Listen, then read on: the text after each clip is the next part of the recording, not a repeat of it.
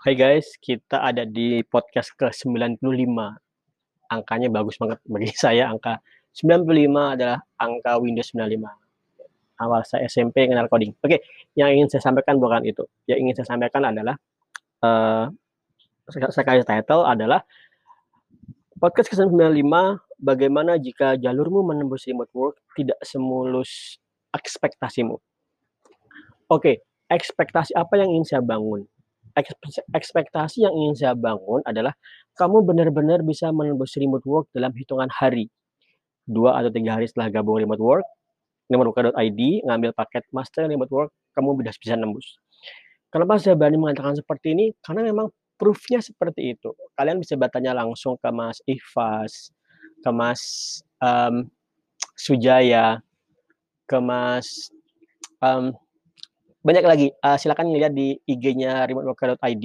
Kita, um, banyak mulai setiap hari Kamis nge-upload success story dan itu kamu bisa cek apakah kamu masuk di golongan yang 2 per 3 hari, atau yang butuh seminggu, berapa bulan, atau 6 bulan, atau malah nggak sama sekali. Ya, oke.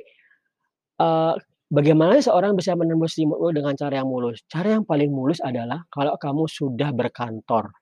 Kalau kamu sudah berkantor di pekerjaan suatu startup yang keren banget kayak Bukalapak, Tokopedia, um, apalagi ya, Kudo dan lain sebagainya, kalau kamu sudah berada di startup-startup tersebut, jalanmu sudah nyaris mulus. Kenapa? Karena kamu tinggal menambah skill remote workmu aja, apply remote work skillmu itu aja.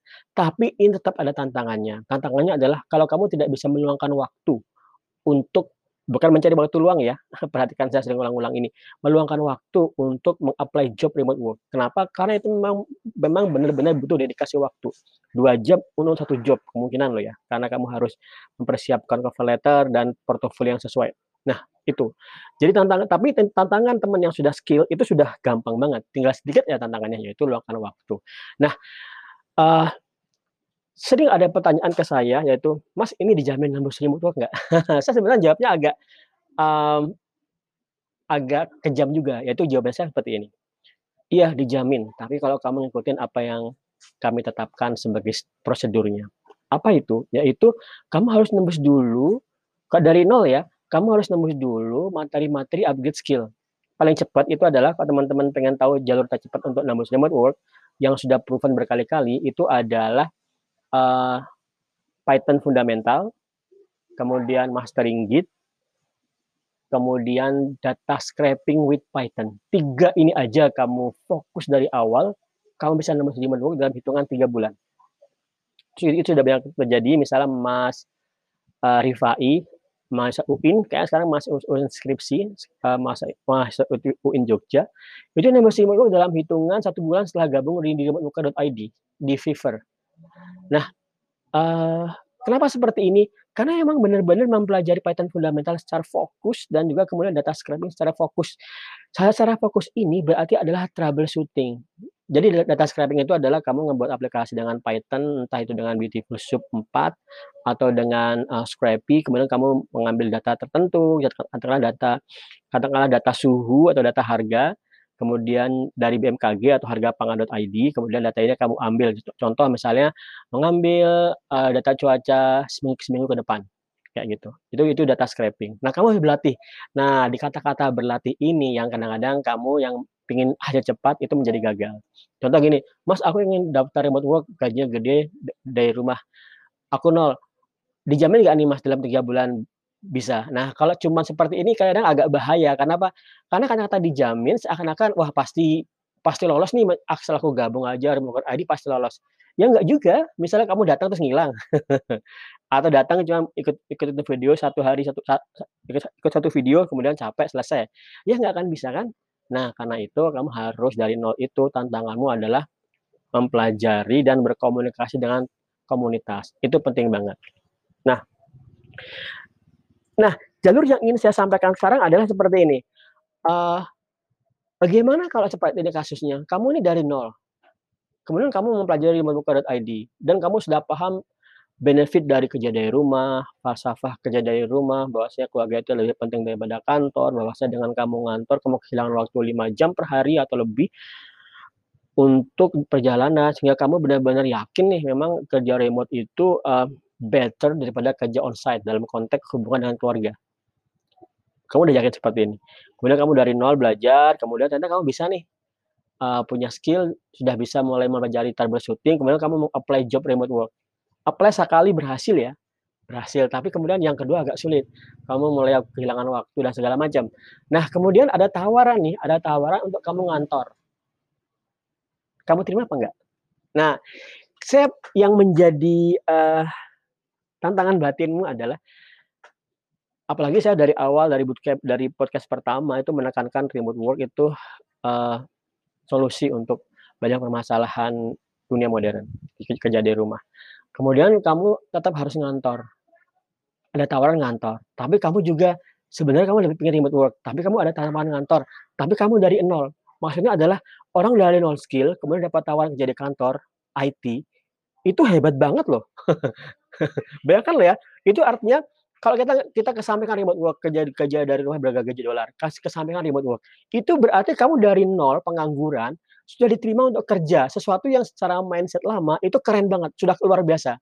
Tapi kan kamu sudah kenal remote work, harusnya kamu kerja di rumah dong, kerja di luar negeri. Nah, tapi pertanyaannya, nah kalau kondisi seperti ini gimana Mas Eko? Yaitu sebenarnya sih aku pengen di rumah nih, tapi aku dapat tawaran kerja dari kantor. Tapi aku sebenarnya senang juga karena sudah di di invite oleh kantor. Padahal kan aku dari nol. Nah, sebenarnya ya, kalau kamu tadi sudah saya sampaikan, kalau kamu kesampaikan remote work, maka sebenarnya itu sudah prestasi luar biasa. Nah, sekarang kita akan sesuaikan. Kita akan melakukan uh, sedikit uh, reprogramming uh, mindset kita. Jadi seperti ini. Semakin kamu punya skill, real world untuk solusi untuk permasalahan dengan coding, maka semakin kredibel, semakin besar peluangmu untuk kerja remote work. Artinya teman-teman yang kamu nanti dapat job di kantor, itu sudah jadi persiapanmu lebih bagus untuk nembus remote work di suatu saat nanti. Anggap di kantormu itu adalah bukan kantor onsite. Ya memang kantor onsite, tapi kamu rubah mindsetmu. Rubah mindsetmu adalah kamu ngantor ini adalah untuk adalah lanjutan dari bootcamp onsite. Kamu kan di kita bootcamp online ya. Kemudian kamu dapat tawaran bootcamp onsite. Nah, tawarannya berapa lama tergantung kamu. Jadi jangan anggap itu ngantor, anggap aja itu bootcamp onsite. Yaitu apa? Yaitu kamu akan persiapan resign beberapa bulan ke depan, jangan terlalu lama. Katakanlah uh, 6 bulan ya, itu sudah udah bagus banget. Sudah saya pikir itu uh, standar normal kita untuk kerja nggak terlalu cepat, juga nggak terlalu lama. 6 bulan kerja di kantor, itu skillmu sudah bagus banget loh, sudah akan menumpuk-numpuk skill dengan banyak. Artinya, selama kamu ngantor, tetap lihat job-job remote yang available dengan skillmu yang sudah kamu pelajari. Mungkin sebelum pertama kamu fokus dulu, kerjakan uh, kerjaan-kerjaan kantor, kamu fokus dulu, kamu tambah skill.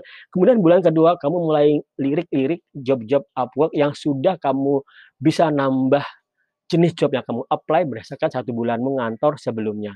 Tapi in the meantime tetap connect sama uh, server Discord Remote Worker Indonesia agar kamu tidak kehilangan konektivitas dengan komunitas remote work.